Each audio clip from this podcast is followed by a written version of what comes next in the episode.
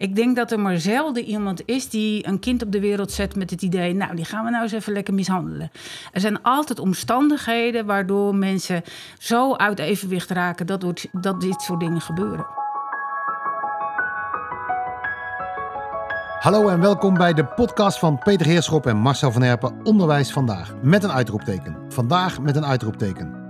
Niet omdat vandaag de belangrijkste dag is, morgen is namelijk alles weer voorbij, maar omdat we alleen vandaag hebben om te doen wat nodig is. Onderwijs mag leren van het verleden, zich richten op de toekomst, maar het moet vandaag gebeuren. En daarom bespreken we in deze onderwijspodcast vandaag. Omdat er veel gebeurt, omdat er veel te leren en te lachen is, maar ook omdat we ons soms zorgen maken. We spreken met kinderen, leraren, gasten, tips, tops, vrolijkheid en ongemak. We duiken in de klas, de klas van vandaag. En Peter, hoe zit jij erbij van? Nou, eigenlijk voor het eerst een beetje bezorgd. Nou ja, niet voor het eerst. Maar ehm, ja, de zorg voor, voor kinderen of het allemaal wel goed is gegaan. Dat zit ik me nou opeens af te vragen. Want uh, we hebben al een paar gesprekken gehad van kinderen die het heel goed maken. En we weten dat heel veel kinderen het niet goed gemaakt hebben. Dus daar gaan we vandaag ook over spreken. We hebben een, uh, een bijzondere gast, Ted Kloosterboer. Fijn dat je er bent. Uh, we gaan met jou spreken over een, een vervelend thema. Maar een thema wat in deze tijd echt veel aandacht vraagt. Kindermishandeling en misbruik. Ja. Jij bent ervaringsdeskundige en directeur van de stichting Praat. Dus uh, het is ook jouw werk. Misschien moeten we even zeggen, je bent ook hovenier. Hè? Je zit hier gewoon nog met, met, met zwarte nagels. Ja, hè? ik heb nog de, de, de bagger onder, onder mijn nagels zitten. ja, dus je komt net uit de tuin. Ik kom net uit de tuin en uh, ik ga straks ook weer naar de tuin toe. En ik ben voor jullie speciaal echt heel vroeg begonnen. Ja. Uh, zodat ik er even twee uur tussenuit kon. Dus om zeven uur vanmorgen was ik, ben ik begonnen. En dan ga ik straks tot half vijf Wat heb je gedaan? Plantjes gezet? Of, Ik heb toevallig plantjes gezet en gebied en water gegeven en uh, gesnoeid. Maar uh, ben je nou meer hovenier of ben je meer specialist, expert, begeleiding kinderen met uh, problemen? Ja, nee, ik ben geen specialist in begeleiden van kinderen, want dat doen we vanuit Stichting Praat niet. Wat we doen vanuit Stichting Praat is mensen bewust maken van dat kindermishandeling bestaat en wat je voor kinderen kan doen. En dat is eigenlijk wel ja, wat momenteel de meeste tijd vraagt. En hoe, hoe ben je daarin verzeild geraakt? In dit thema? En niet omdat het het leukste thema van de wereld is, maar omdat ik zelf als kind mishandeld ben. Uh, ik ben uh, psychisch mishandeld, uh, ernstig verwaarloosd en seksueel misbruikt. Allemaal door mijn ouders. En um, ik heb daarbij als kind geen hulp gehad. Ik ben op een gegeven moment, toen ik 27 was, wel hulp gaan zoeken. En toen heb ik tien jaar lang hele intensieve therapie gehad. Dus eigenlijk ben ik pas gaan leven toen ik 37 was. En dat vind ik altijd een beetje zonde, dat het zo ontzettend lang geduurd heeft. En um, nou, toen, toen ik uit therapie kwam, dacht ik, nu ga ik iets doen wat ik superleuk vind. Dus toen ben ik hovenier geworden. En nog weer later was ik dan in, bij klanten in de tuin aan het werk. En op een gegeven moment dacht ik, maar eigenlijk heb ik zoveel kennis over wat het intern met een kind doet om mishandeld te worden. En waarom je het geheim houdt en hoe je dat doet. En nou, allemaal dat soort dingen. En toen dacht ik, ja, dat moet ik gewoon gaan delen. Om omdat ik hoop dat daarmee mensen, kinderen eerder in de smiezen gaan krijgen en dat kinderen en ook hun ouders eerder hulp gaan krijgen. Zodat kinderen niet gaan, pas gaan leven als ze 37 zijn, maar dat dat al kan als ze 15 zijn of zo. Dan gaan we met jou natuurlijk kijken van wat er dan gebeurt en, en, en, en misschien wat we daarmee kunnen op dit moment en wat leraren daarvan kunnen leren. Ja. Um, maar even naar deze tijd. Op dit moment wordt gezegd dat er zich, omdat er een quarantaine is geweest, omdat zoveel kinderen opgesloten zijn geweest in hun huis, heel veel kleine huiskamers een snelkookpan zijn geweest met heel veel emoties. Uh, dat er misschien achter de voordeur veel meer gebeurd is dan normaal, ook in negatieve zin. Ja.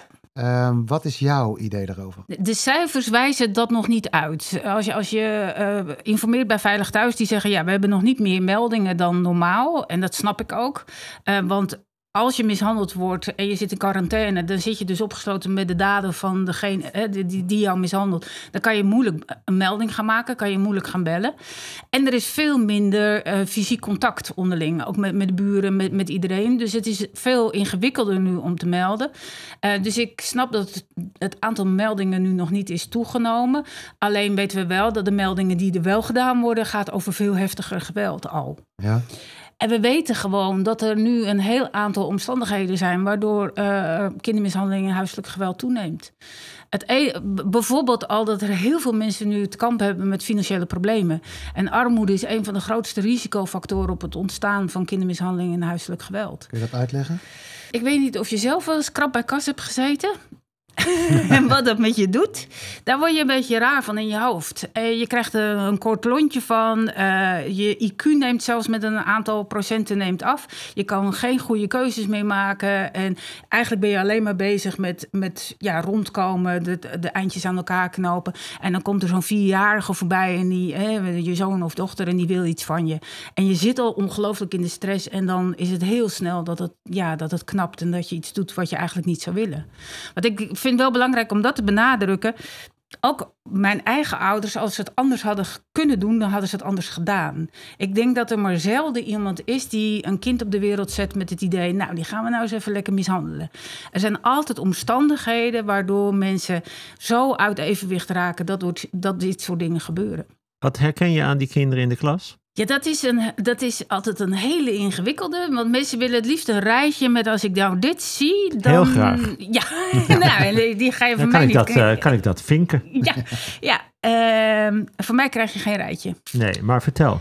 Wat, wat het allerbelangrijkste is, is dat uh, je, kent, je kent de kinderen in je klas. Uh, als, als leerkracht weet je ook iets over de ontwikkeling van kinderen, als het goed is.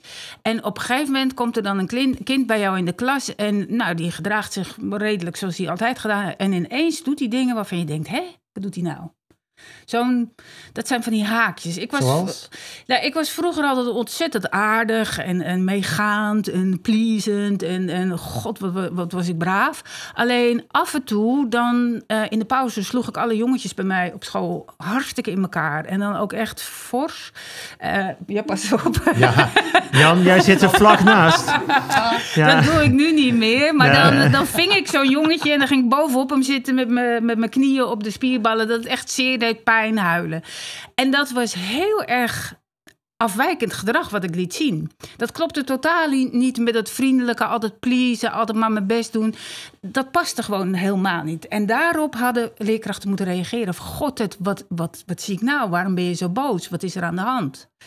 En ik dat, weet hebben ze niet, dat hebben ze niet gedaan. Nee, dat heeft niemand gedaan. En hoe verklaren ze dan dat verdrag of gedrag? Of hoe gingen ze daarmee om? Niet. Gewoon niet. Van een lief meisje wat soms boos was. Ja, maar het was ook zo dat jij niet naar de leraar toe ging. Nee, om ik te ging zeggen, natuurlijk niet uh, vertellen wat er aan de hand was thuis. En ik weet ook zeker, kijk, als ze er wel op gereageerd hadden... als de leraar had gezegd, Ted, kom jij eens even mee naar binnen... ga jij hier eens even zitten.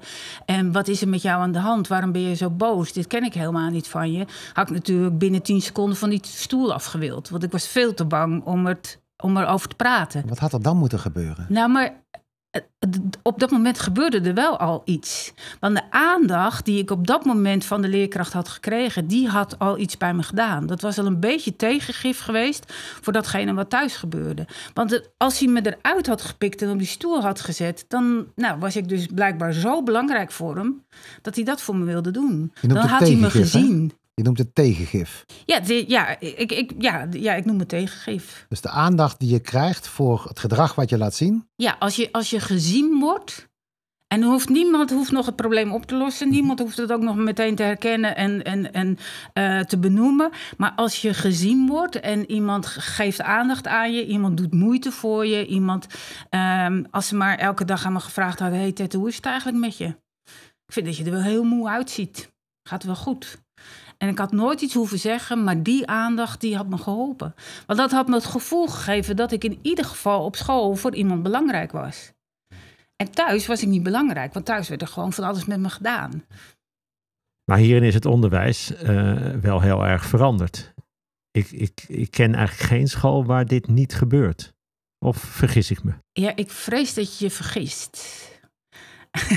dat is altijd heel vervelend om te zeggen. Zeker in de, maar Kijk, wat, wat bijna iedereen um, uh, voelt als het gaat over kindermishandeling, is, is een enorme afweer. Is enorm van eh, ik, ik wil gewoon niet dat het bestaat. Ik wil, ik wil gewoon niet dat het er is. En oké, het bestaat dan wel, maar uh, nou niet in IJmuiden waar we vandaag zijn. En misschien ook niet in Noord-Holland, maar in Brabant of zo. Daar zal het best wel eens voorkomen. Dat is uh, even om het, om het uit te leggen hoe mensen er vaak in staan. En als je er niet bewust van bent dat er in elke klas één kind minstens zit wat mishandeld wordt, dan ga je het nooit zien. Want onze waarneming is zo beperkt dat we pas iets kunnen zien als we weten dat het er is. Dus als je weet dat er een kind mogelijk is wat bij jou in de klas zit wat mishandeld wordt, dan kan je echt gaan kijken. Maar als je dat niet op je netvlies hebt, dan ga je al die signalen niet zien. En er zijn heel veel leerkrachten die heel veel signalen zien. En dan zeggen, ja, ja nee, maar dat, dat, kan geen, dat is geen kindermishandeling. Dat kan gewoon geen kindermishandeling zijn. Want ik ken die moeder en die is echt super aardig. Dat is echt een hartstikke leuke Mhm. vrouw. En dat jongetje is ook wel een beetje ingewikkeld. Dus ik snap dat het af en toe gewoon niet helemaal lekker loopt.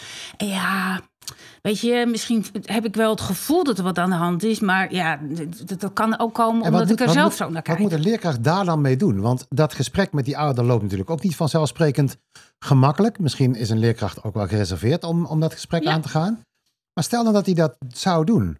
Moet hij dat eigenlijk wel doen met die ouders? Dat aangaan? Nou, wat, wat, wat belangrijk is, is als je iets ziet bij een kind waarvan je denkt, hmm, hè, je ziet zo'n kind midden in de winter met een heel dun jasje het koud hebben op het schoolplein. Wat je dan kan doen, is als het kind opgehaald wordt door een van de ouders, dat je even benoemt, hé hey joh, hij had nog een heel dun jasje aan, hij had het koud. Punt. Geen oordeel, niet meteen van alles. Gewoon alleen maar vertellen wat je hebt gezien en de ouder ook de gelegenheid geven om te reageren. Want misschien zegt die ouder wel, wel van ja, hij wilde per se vanmorgen dit jasje aan, kan ik ook niks aan doen. Ja. Of zegt de ouder, ja, ik zou echt heel graag een ander jasje willen kopen, maar ja, we hebben momenteel niet het geld om dat te doen. Of iemand reageert dusdanig bijzonder dat je denkt, hé, hey, misschien is er meer aan de hand. Maar wat we afgeleerd zijn over het algemeen, is om die hele kleine dingen te benoemen. Want dat vinden we heel snel dat we ons bemoeien met. Maar het gaat juist altijd over die hele kleine dingen. Mensen zeggen heel vaak van ja, maar als hè, het is zo ingewikkeld om het te zien. eh, want je ziet geen blauwe plekken. Nee, dat klopt. Want de meeste kinderen worden ook niet geslagen. Maar er zijn een heleboel andere vormen van mishandeling waar kinderen aan blootgesteld worden. Dus je, je zult moeten kijken naar hele kleine dingen. En die hele kleine dingen meteen moeten benoemen. Want als je dat niet doet, maar het allemaal opslaat. En dan op een gegeven moment denk van, oh god, ja, maar nu moet ik echt met die ouders gaan praten. Heb je een soort A4'tje met alles wat je gezien hebt. En dan moet je ouders uitnodigen in het kantoor. Ouders eh, zenuwachtig, want als je uitgenodigd wordt op school is nooit omdat het echt superleuk is. Eh, jij zenuwachtig, want je moet hele vervelende dingen gaan zeggen. Dus iedereen zit zenuwachtig in het kantoortje. En dan kom jij met je A4'tje met allemaal dingen die je de afgelopen drie maanden gezien hebt. Nou, dan weet je gewoon zeker dat dat geen goed gesprek gaat worden. Ted, in deze tijd, de, ehm, daar was veel digitaal onderwijs. Dus je komt letterlijk eh, een kamer voordeur. binnen. Ja, Heeft dat, eh, dat levert toch wel iets op? Ja, dat, dat is een, een groot voordeel van nu. Dat je, dat je veel beter achter de voordeur kan kijken. Alleen moet je dan wel willen en kunnen zien wat er te zien is. Ja, maar ja, goed, het is, het, het is wel een, een mogelijke stap. Dus dit Ja. is wel iets wat we zouden kunnen, kunnen bewaren. Dat je zo in ieder geval af en toe met ouders in gesprek bent. Of met Ja. een kind in gesprek bent. Ja, dat zou hartstikke fijn zijn. Hey, je, je zei eh, één per klas gemiddeld. Ja. ja. Moet je je als leraar al zorgen maken als je denkt, eh, ja, ik zie het niet in mijn klas? Ik denk wel dat je je zorgen moet maken, ja. En ik denk dat je moet kijken ehm, eh, met je team. Want kijk, signaleren is gewoon teamwork. Dat moet je met, met z'n allen doen. Ja. Dat moet je niet in je eentje doen. En ik denk, als je, het gewoon, als je het niet ziet, misschien heb je een blinde vlek. En misschien heb je niet voldoende kennis erover om het te kunnen signaleren. Dus het is belangrijk om daar bijscholing over te krijgen. Wordt er in vergaderingen, denk jij, te weinig gepraat over kinderen en te veel over organisatie? Ja, zeker. Ik ken, ik ken echt heel veel. Arno vragen. Ik ken echt heel veel scholen waar ook eh, eh, bijna geen leerlingbesprekingen meer zijn. Ja, één keer per jaar met, eh, met, met de rapporten. Maar voor de rest wordt er bijna niet meer over kinderen gesproken. Nee, ik denk dat dat, eh, dat is vaak eh, drie keer in een jaar dat er werkelijk over kinderen Ja. gesproken wordt. En de rest gaat over heel andere zaken. Ja. Dat is in het, in het VO en het PO niet hetzelfde natuurlijk. Ja, ik had het nu over het. VO. Ja, dat Ja. is, in- dat is Nee, maar per het is, school het is ook per, per school Ja. verschillend. Maar er wordt echt niet heel veel over kinderen gesproken. En er wordt ook helemaal niet heel veel gesproken over kinderen waarvan we vermoeden dat er sprake kan zijn, mogelijk van kindermishandeling. Maar hebben, we, we hebben onlangs gesproken met een leerkracht die ontvangt de kinderen in deze tijd. Die vraagt aan die kinderen hoe gaat het? Alle duimpjes gaan omhoog. En nou stel ik mij dat ene kind voor, Ja. waar jij het over hebt. Ik denk, die steekt zijn duim natuurlijk ook omhoog. Ja. Dus wat belangrijk is als leerkracht, is ook om te benoemen van oké, ik zie, ah, het is hartstikke fijn, want alle duimen gaan omhoog. Mhm. Maar ik kan me ook voorstellen dat het in deze periode ook niet zo fijn is geweest thuis. Gewoon een moment dat het niet zo fijn is. Dus altijd dat erbij. Altijd er even bij zeggen. En wat je op moet letten dan, als je dat zegt, is dat je niet focust op één kind dan in je blik. Nee, maar dat is... Ja, ik dat- kijk dat- jou dat- nu toevallig heel erg aan. Nee, maar dat is echt iets wel, wat wel heel belangrijk is. Omdat je anders meteen voelt zo'n kind van... oh god, hij Ja, denkt dat het ja. bij mij niet leuk is Ja. geweest. En ik durf het toch niet te zeggen. Ja. Of hij heeft het fout. Of, Dus je moet even je blik laten dwalen, maar wel dat benoemen ook. Het is gewoon niet voor iedereen leuk geweest de afgelopen tijd. We kunnen het niet oplossen voor kinderen. Nee. Wat kunnen we wel? Kunnen kinderen helpen. Maar een kind helpen is iets anders dan een probleem oplossen. En als deze tijd ons zo bewust maakt van hoe het met kinderen gaat, vanuit jouw missie, wat is dan de belangrijkste boodschap die jij mee zou willen geven? Het belangrijkste is dat je een kind echt ziet. Dat je aandacht geeft. Dat je, dat je- en ook dat je de dingen ziet die je liever niet wil zien. Ehm, ja, Ja. Dat, dat is gewoon echt super belangrijk. En wat ook heel belangrijk nu is, ehm, is, kijk, bij mij thuis was aanraken was altijd akelig. Dat was of hardhandig, of het was grensoverschrijdend. Het was gewoon altijd vervelend. Maar gelukkig had ik iemand in mijn naaste omgeving, mijn oom Dick. En die was heel fysiek ingesteld en die kon me heel liefdevol knuffelen. Dus daar kon ik me heel erg aan laven en eh, voelde ik me heel erg veilig. Dus van oom Dick heb ik geleerd dat aanraken ook prettig kan zijn. En vorige week dacht ik ineens, en kinderen die nu mishandeld worden, die hebben dus heel veel negatieve aanrakingen. Maar er komt geen positieve aanraking tegenover op dit moment. En hoe moeten ze dan straks toch gaan leren? Hè, ik kon dat omdat ik de herinneringen had aan ome Dick, zijn knuffels. Als je die herin- geen positieve herinneringen hebt, hoe moet je dan nog leren dat aanraken ook plezierig is? En dat is wel een levensbehoefte. Leraren moeten in de anderhalve meter samenleving op zoek naar de ome dikrol. Ja, dat denk ik wel. Ja. mooie boodschap, dankjewel. Alsjeblieft. Dankjewel. We gaan wisselen, want eh, Arno en Jan zitten hier. Arno, groep 5, sta jij voor? Heel eventjes terugkomend op het gesprek van net. Eh, vind jij ook dat er eh, te weinig over kinderen gepraat wordt in vergaderingen? Er wordt in de teamvergaderingen inderdaad niet veel over eh, specifieke kinderen. Ehm, wij werken op school met eh, elke dag ook een bouwvergadering. En dan zit ik dus in de middenbouwvergadering, waarbij we wel eh, kinderen bespreken. Inderdaad. En ehm, nou ja, ik, ik ga nu natuurlijk niet bespreken of wij dezelfde eh, signalen zien eh, die, die net besproken zijn. Maar er wordt wel over gesproken. Oké. Ja. Ja, en dat is, je zegt dagelijks, of niet? Eh, zo goed als dagelijks. En Nou, ook, ook nu inderdaad, ook met de anderhalve meter regel. Dus nu is het bijna allemaal digitaal vergaderen. Maar dat proberen we zoveel mogelijk dagelijks te doen. Oké. Wat is er gebeurd de afgelopen maanden? Pak Eh, hem eens op waar... eh, Zo, heel veel. ja, nou, de school ging dicht en, en, en wat kwam er toen op je af en hoe heb je daarin gehandeld? Op het moment dat de school dichtging, eh was dag één was, eh, eh, vraagteken. Ehm, maar aan de andere kant gebeurde er ook iets heel moois. Ehm alle onze ICT'ers werden bijeengeroepen. Ehm, en die werden, door, eh, werden neergezet van, eh, met de boodschap... vanaf nu gaan jullie het onderwijs vormgeven. Ehm, daar waren de ICT'ers ook niet helemaal op voorbereid. Maar die dag gebeurde er wel iets heel erg moois. Want met elkaar kwamen ze tot een, eh, een manier om de kinderen allemaal goed thuis te kunnen bereiken. Ehm, gelukkig had onze school eh, genoeg geïnvesteerd in eh, tablets, zodat alle kinderen bijna een, van school een tablet konden lenen die dat thuis niet hadden. Hoeveel hebben jullie eruit gedeeld? Even kijken, we hebben 240 kinderen op school en er zijn er meer dan 100 zijn er, eh, zijn er uitgedeeld. Uit mijn hoofd zeg ik 130. En toen? Eh, toen zijn we begonnen dat we inderdaad de lessen digitaal gingen klaarzetten. En heb ik zeker drie keer in de week alle kinderen met eh, videobellen weten te bereiken. Ehm, en ja, dan, dan ga je kijken van ja, hoe gaan we het onderwijs nou echt vormgeven? Want sommige dagen die, die super leuk zijn in het schooljaar, zoals een sportdag, een uh, koningsspelen, ja, die moeten op een hele andere manier gaan uh, vorm gaan uh, Ja. krijgen. En gelukkig is dat wel gelukt.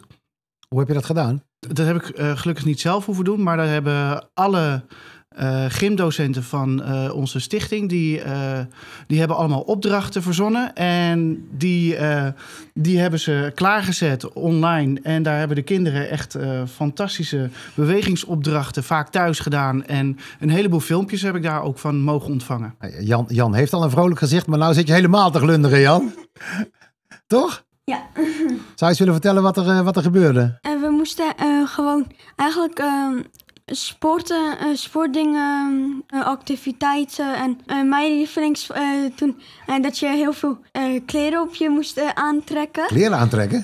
ja, eh, zoveel mogelijk. En dan eh, zoveel, eh, zo snel mogelijk er weer vanaf. Echt waar? Ja. Zo snel mogelijk, zoveel mogelijk aankleden en weer uitkleden. Ja. En, en dan moest je de tijd opnemen of zo. Of, eh, eh, nee, maar dat was gewoon hartstikke leuk om te ja. doen. Hey, eventjes, want, want eh, toen, eh, toen de school dichtging, ehm, heb, je, heb je toen meester Arno eh, gesproken? Belde die jou? Ja, en we hebben zo, eh, zo'n programma die kla- een Classroom heet. En Ja. dan staat er altijd een link om eh, de video eh, eh, te bellen. Hoe was dat? Dan zie je opeens, dan word je gewoon gevideobeld door je eigen meester. Hoe, hoe is dat? Je, je schrikt je kapot, toch? Of, Ehm, niet echt, maar gewoon... Hij zet dat op een programmaatje eigenlijk om de video te bellen. Om, om als je vragen te, hebt, dat je dan die aan meester kan Ja. vertellen. en was dat, eh, was dat ook al voor de coronacrisis? Was, er, eh, eh, ben je in groep 4 of groep 3 of groep 2 wel eens gevideobeld door de juf of Nee, meester? Nee, dus nooit. dit, dit is echt nieuw. Ja, Hoe was dat? Is dat leuk of is dat raar? Of is dat eh, raar. raar? Ja, want je ziet hem opeens. Maar en, en stel je voor dat, dat dit nu voortaan altijd is. Dat je de komende jaren, eens, eens in de twee weken, wordt je gevideobeld door de meester. Eh, dan zou ik eh, eh, heel erg eh, eh, verward worden. Oh ja? Waarvan? Eh, want eh, eh, ik moet dan werken en eh, dan moet ik eh, over eh, nog een paar dingen wat ik eh, ga doen eh, Ja. vandaag. Bijvoorbeeld, eh, wij hebben bijna altijd dan, eh, z- eh, zegt mijn moeder dat wij bijvoorbeeld maar naar de bos eh, gaan of zo Ja. eventjes. Maar dat kan niet, want je krijgt een videogesprek. Maar ja, dat kan, over, kan ook in het bos. Eh, dat zou moeilijk zijn. Ja, Oké, nou ja, goed. Ik probeer het te helpen. Want eh, vond je het een leuke tijd of miste je de school? Eh, leuke en een beetje niet zo leuke. Nou, vertel. Omdat Wat, je thuis moet, eh, moest blijven. Je kon eh, je meester niet zo eh, en eh, je vrienden niet zo eh, vaak eh, nee. eh, zien. Nee, dat was het. En, en wat was het, het wel leuk? Want je zegt het was wel leuk. Ik snap dat het niet leuk is als je mensen niet kunt zien. Wat was wel leuk? Van mijn, mijn moeder en mijn vriends eh, moeder eh, eh, mogen we wel, eh, mochten we wel met elkaar spelen. Oké, heel goed. Ja. Oké, ja. Arno, er wordt gesproken over de, laten we zeggen, de voor- en de nadelen hè, van deze manier van werken. Wat heb je als prettig en wat heb jij als minder prettig ervaren? Ehm, wat ik als prettig heb ervaren is dat we eh, met de uitlegfilmpjes die ik eh, kon opnemen, ehm, merkte ik dat een, een aantal kinderen die het eh, normaal gesproken best wel lastig hebben in de les, juist die uitlegfilmpjes heel goed thuis eh, extra gingen bekijken. En, en daardoor eigenlijk eh, op hun eigen tempo heel goed toch eh, de lesstof konden snappen. Jan Ja. zit te knikken, hè? Ja. Ja. ja. en minder prettig? Eh, minder prettig is natuurlijk op het moment dat je merkt dat dingen niet lukken. Eh, dat je slecht contact hebt met de kinderen. Dat, ehm, dat ze aangeven, meester, ik weet niet waar mijn, waar mijn boek is, waar mijn schrift is. D- dat is lastig, want dan wil je eigenlijk gewoon heel snel kunnen helpen, maar dat kan niet. Nee, en je collega's, die, dat, ik kan me voorstellen dat je die ook op een bepaalde manier mist, of juist niet. Ja, eh, wel missen. Ehm, nou hadden we natuurlijk ook gewoon elke dag de briefing, maar dan via digitaal. Ehm, en wij hebben in deze school eigenlijk best wel veel op school gewerkt, maar dan eh, allemaal in ons eigen lokaal. Stel je nou voor dat, dat dit het is. Voortaan is dit het nieuwe onderwijs. Wat we afgelopen maanden hebben meegemaakt. Ja, ehm, dan vind ik absoluut een voordeel eh, het werken in kleine groepjes. We hebben bij ons op school de keuze gemaakt om eh, alle kinderen op de dag te zien, maar een ochtendshift en een middagshift. Ehm, dat is zeker een voordeel om te werken in de kleine groep. Maar ehm, ja, je, je, je mist de hele, eh, het hele groepsverband. En, ehm, en dat ze echt met, eh, als totale groep met elkaar kunnen werken. En ja, je hebt nu toch ook in die ochtend- en middagshift... dat vriendjes niet bij elkaar in de klas zitten. Ja. En, eh, en dat is natuurlijk, ja, dat wil je voorkomen. Heb je je afgelopen tijd zorgen gemaakt over kinderen? Ja, tuurlijk maak je je zorgen. En dat, dan probeer je zo goed mogelijk contact met de ouders te zoeken. Eh, Dat lukt niet altijd. Ehm, daarom was ik heel blij dat we ze inderdaad gewoon weer in de klas konden krijgen en dan elke dag zien. Zijn ze er allemaal weer? Ik heb één leerling die via videobellen nog thuis zit, omdat hij een eh astmapatiënt is. En daarom eh, in de risicogroep valt. Maar er is niemand waar je geen contact mee hebt? Nee. Oké. Gelukkig. En zoals we Ted gesproken hebben, heb je ook zorgen gemaakt om kinderen waarvan je denkt, daar krijg ik misschien nauwelijks zicht op wat daar echt aan de hand is? Dat is een, een, een lastige vraag. Eh, je, je vangt inderdaad soms wel signalen op waar je op dat moment dan niet heel veel mee kan. Gelukkig hebben wij wel een, eh, een zeer betrokken IB'er die ook eh, met ons daarin in gesprek gaat. Die ook echt aangeeft van als je wat opvangt, neem contact op. En dan proberen we daar met elkaar zo goed mogelijk over te praten van wat kunnen we daarmee doen. Dus de tip van Ted van probeer in ieder geval die kinderen te laten weten dat je iets ziet en dat je betrokken bent, dat je aandacht hebt voor ze, die nemen jullie serieus. Ja, zeker. Nou, wat mooi zeg. Jan, wat is jouw tip aan alle leraren in deze tijd? Hoe moeten we door? En gewoon eh, niet eh, opgeven met een opdracht dat je of zo eh, niet meer weet wat je moet opzetten op Classroom. Oké, dus ze moeten doorgaan met duidelijk aan te geven wat jullie moeten doen. Ja, en eh, niet eh, vergeten opeens eh, wat ze wilden. Oh, dat moeten ze erbij zeggen. Ja, Hey, eventjes, eh, want de rest die... eh, is dit een leuke school? Eh, ja. Oké, nee, dan weet ik. Ik vraag het altijd aan de leerlingen, want de leraren zeggen altijd, ja, het is een hele leuke school. Misschien moet ik even weg en dan kan je... Nee, hij zit hier stralend bij, dus ik geloof het gelijk. En, en wat, wat, eh, wat ga je doen komende, komende tijd? Het is bijna vakantie. We zitten nog eh, te denken, eh, omdat, je, om- omdat ze in Polen nog heel erg bang zijn voor de coronavirussen. En dat je dan, in, als je in, in Polen komt en je kom- wa- was van een andere stad of een eh, ander land, dan moet je twee weken in quarantaine zitten. En maar, maar je wilde eigenlijk naar Polen. Ja. Waarom? Eh, omdat ik eh, en mijn broertje en mijn- bijna mijn hele eh, familie van Polen komt. Aha. Kijk, dat wist ik niet niet. gedacht, hè? En spreek je Pools? Ja? Nou ja, zeg. We hebben gewoon iemand die Pools spreekt. Ik wil het ook horen.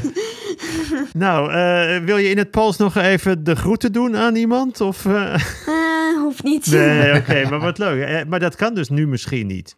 Dus dit is misschien een zomer dat je je familie niet ziet. Ja, Nou, raar toch? ja. Maar je kunt ze bellen. Je kunt ze video, je kunt video bellen. Ah, oh, nou, hier, Ja. hiernaast is iets te vieren. Ja, leuk.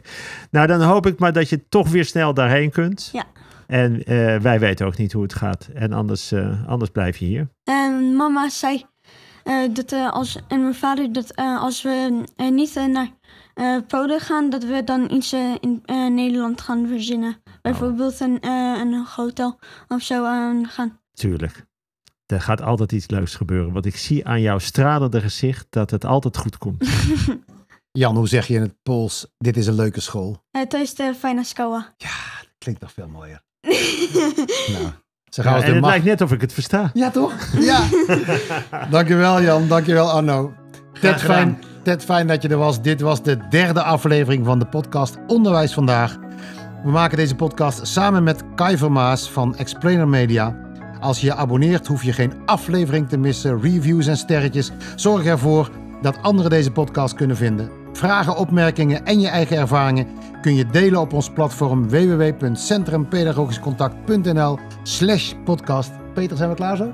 Nou, ik hoop het wordt er dan ook echt iets mee gedaan als je dat deelt op Ja. die site. Ja. zeker. En, Ja. en wanneer? Nou, we gaan kijken wat er, wat er voor reacties binnenkomen. Je weet dat we al een heleboel mails hebben gekregen. Ja. En die gaan we nog bespreken.